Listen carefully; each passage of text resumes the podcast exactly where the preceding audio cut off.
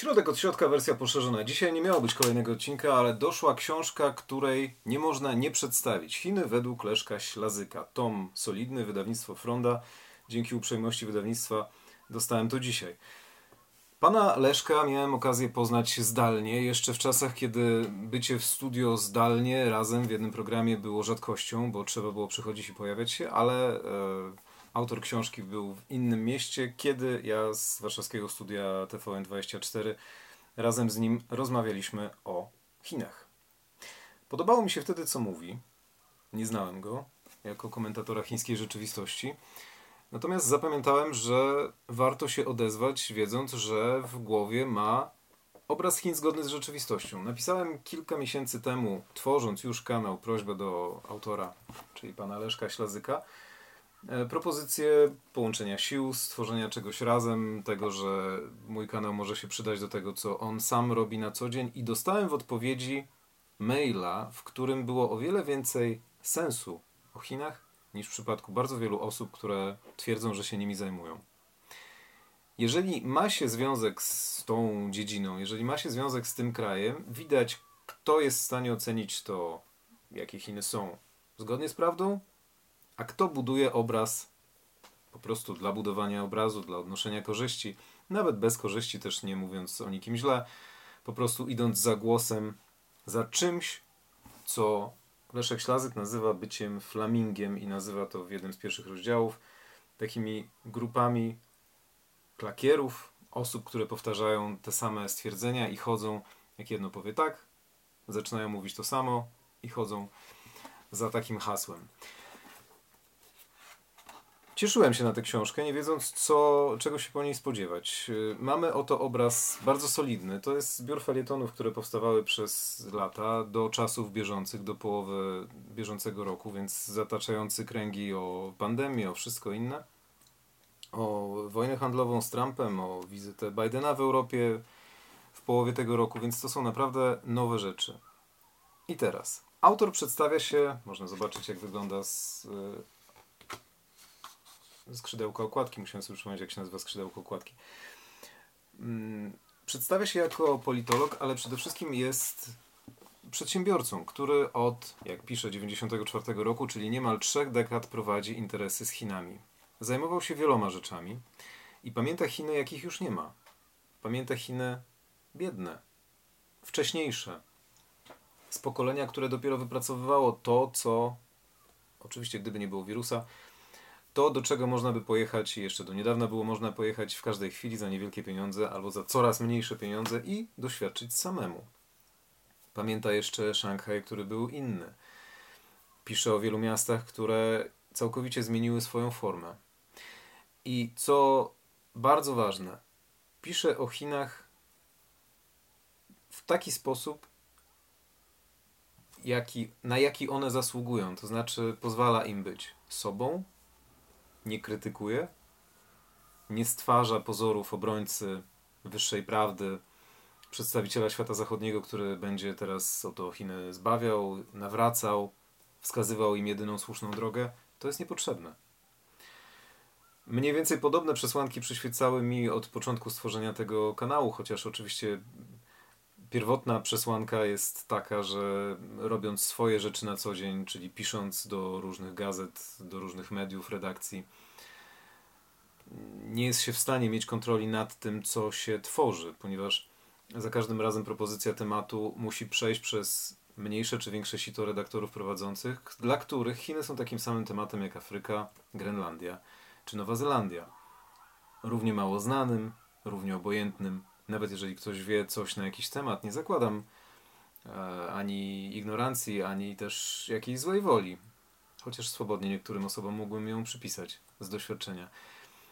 Ale jest to nieważne. Jest to po prostu kierowanie się jakimś przedziwnym, zawsze, zawsze bardzo potrzebnym interesem czytelnika. Czytelnika to nie interesuje, albo to jest za trudne, ktoś nie jest w stanie zrozumieć mechanizmu, który jest kompletnie odmienny od naszego i także odrzuca taką propozycję, twierdząc, że nie ma sensu o tym pisać. Z tego nikt nie skorzysta. Mimo, że o jakimś doświadczeniu, e, w jakimś doświadczeniu bierze udział masa ludzi po drugiej stronie świata i tam cała problematyka tworzy się wokół czegoś, o czym u nas nie będzie można pisać, bo nie wiadomo o co chodzi.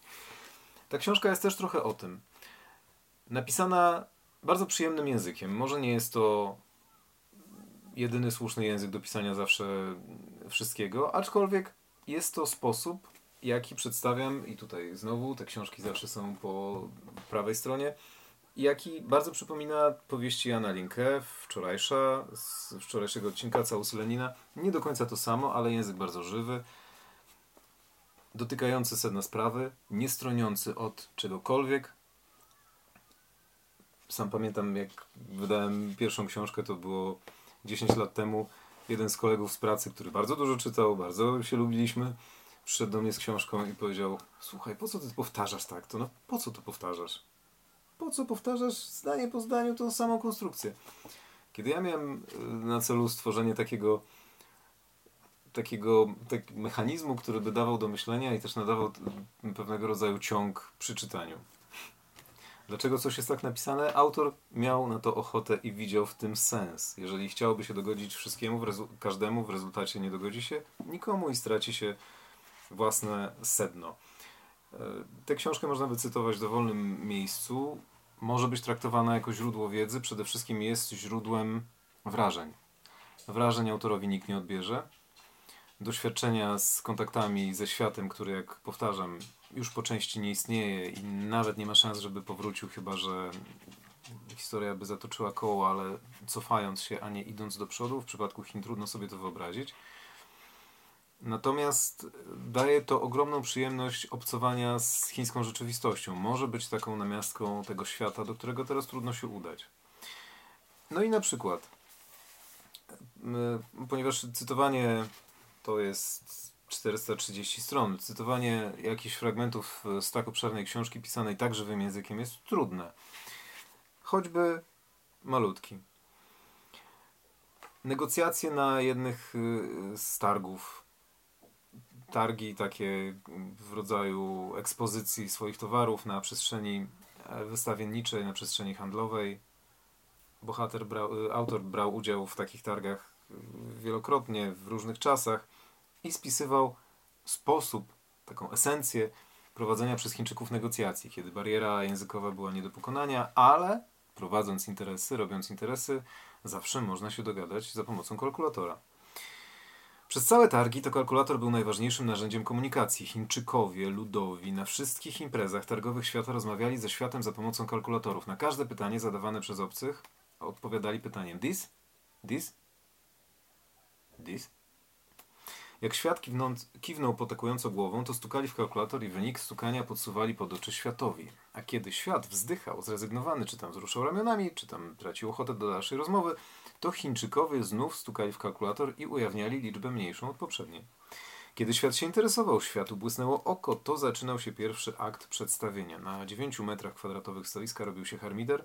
Świat był zapraszany do zajęcia miejsca na krześle, z którego przed sekundą zdmuchnięto ostatniego w hierarchii, a który urażony patrzył na rozgrywającą się scenę z boku. Starszy stoiska siadał naprzeciwko świata, obok starszego asysta jednej z dwojga płci, która ogarnęła kurs pod tytułem Język angielski dla zaawansowanych w weekend. W wersji turbo asysta była progeniturą starszego stoiska, ale ale, zanim krzesła zostały zajęte, trzeba było się najpierw wymienić wizytówkami. Świat patrzył przez chwilę na chińskie robaki, a Chińczykowie na robaki zagraniczne. Wizytówka do zeszytu, trzask z szywaczem i notatka. Łysy, ze złotym zębem i dziewczyna w okularach grubawa. Sakramentalne, how much?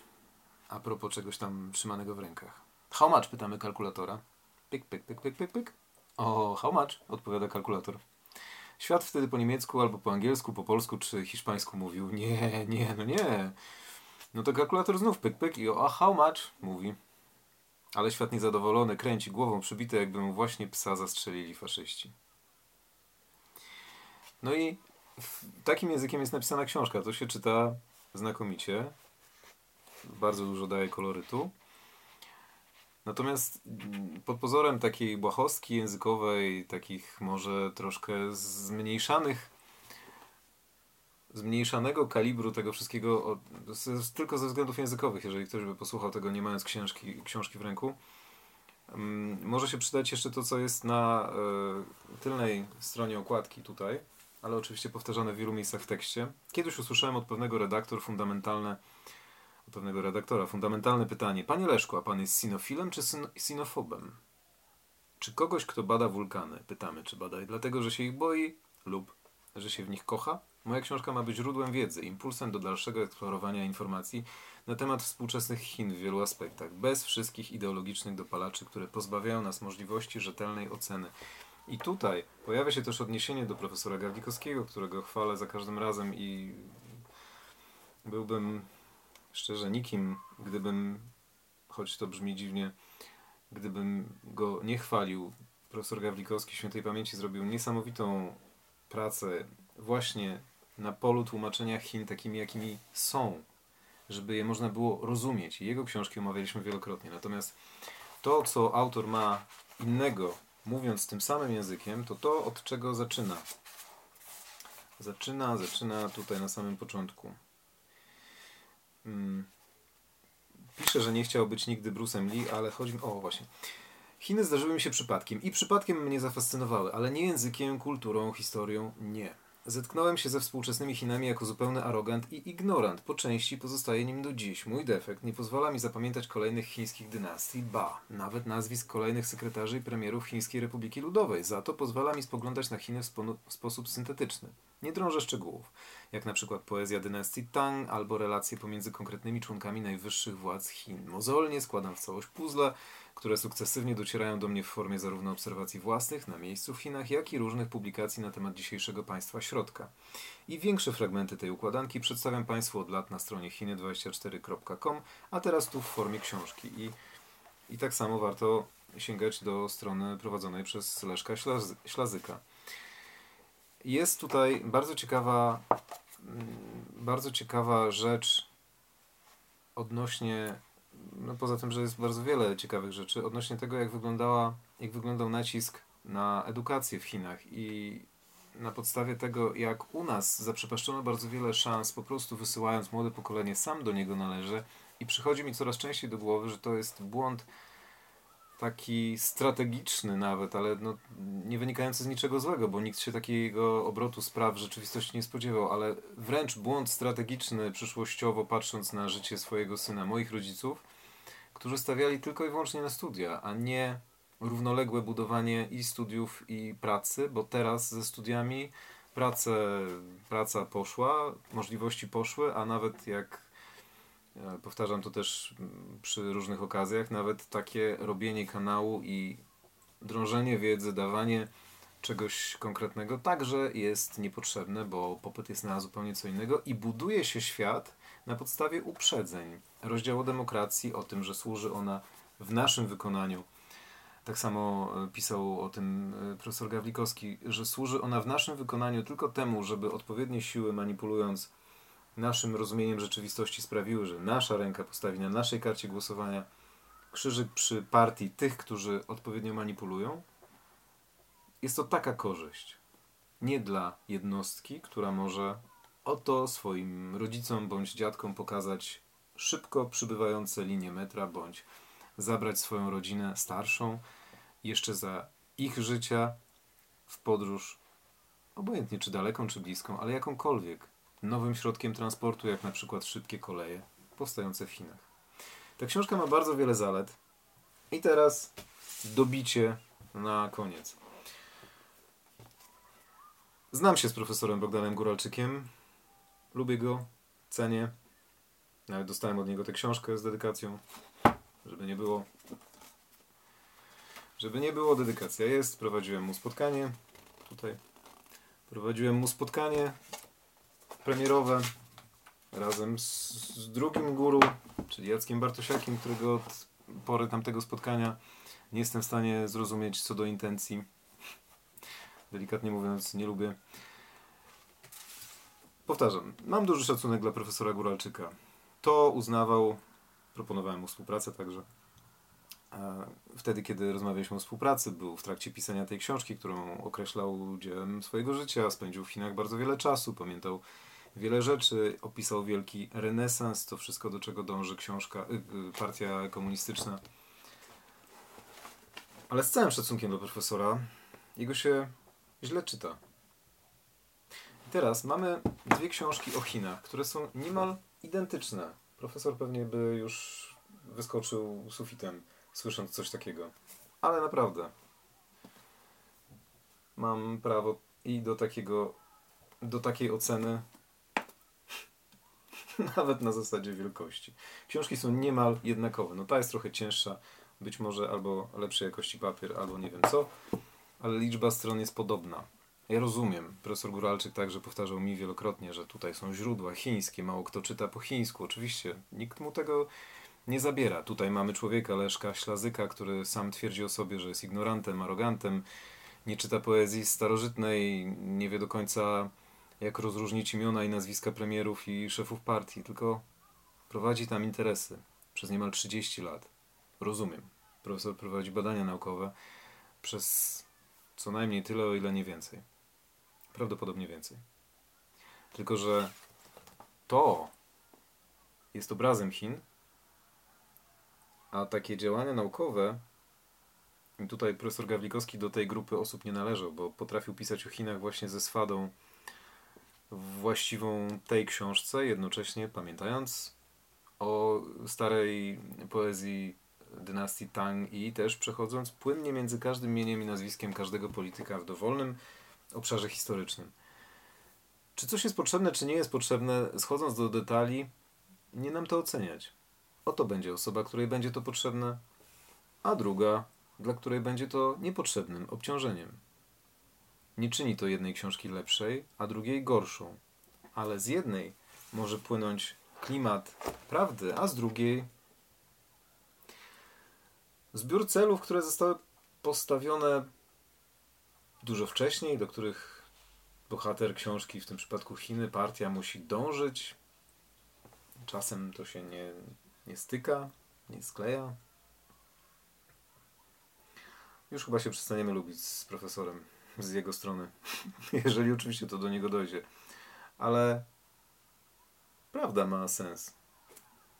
Chiny według Leszka Ślazyka bardzo dobra rzecz, którą można sobie poczytać nie tylko na zimowe długie wieczory, ale na krótkie letnie poranki, obojętnie, po prostu, żeby wiedzieć więcej, bo mamy do czynienia z człowiekiem, który wiele przeżył i nikt mu nie zastąpi czegoś takiego, co pisze o tutaj na okładce jest jeszcze informacja o tym, że jest dodatek Chińska Szkoła Negocjacji, kilka rozdziałów, kilkadziesiąt stron na końcu o tym, jak prowadzić negocjacje. Wiele było takich pozycji.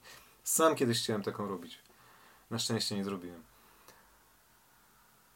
Ale tu mamy praktyka. Czemu go nie posłuchać? No po prostu w ten sposób idąc kropka za kropką do środka, od środka. Dziękuję za uwagę.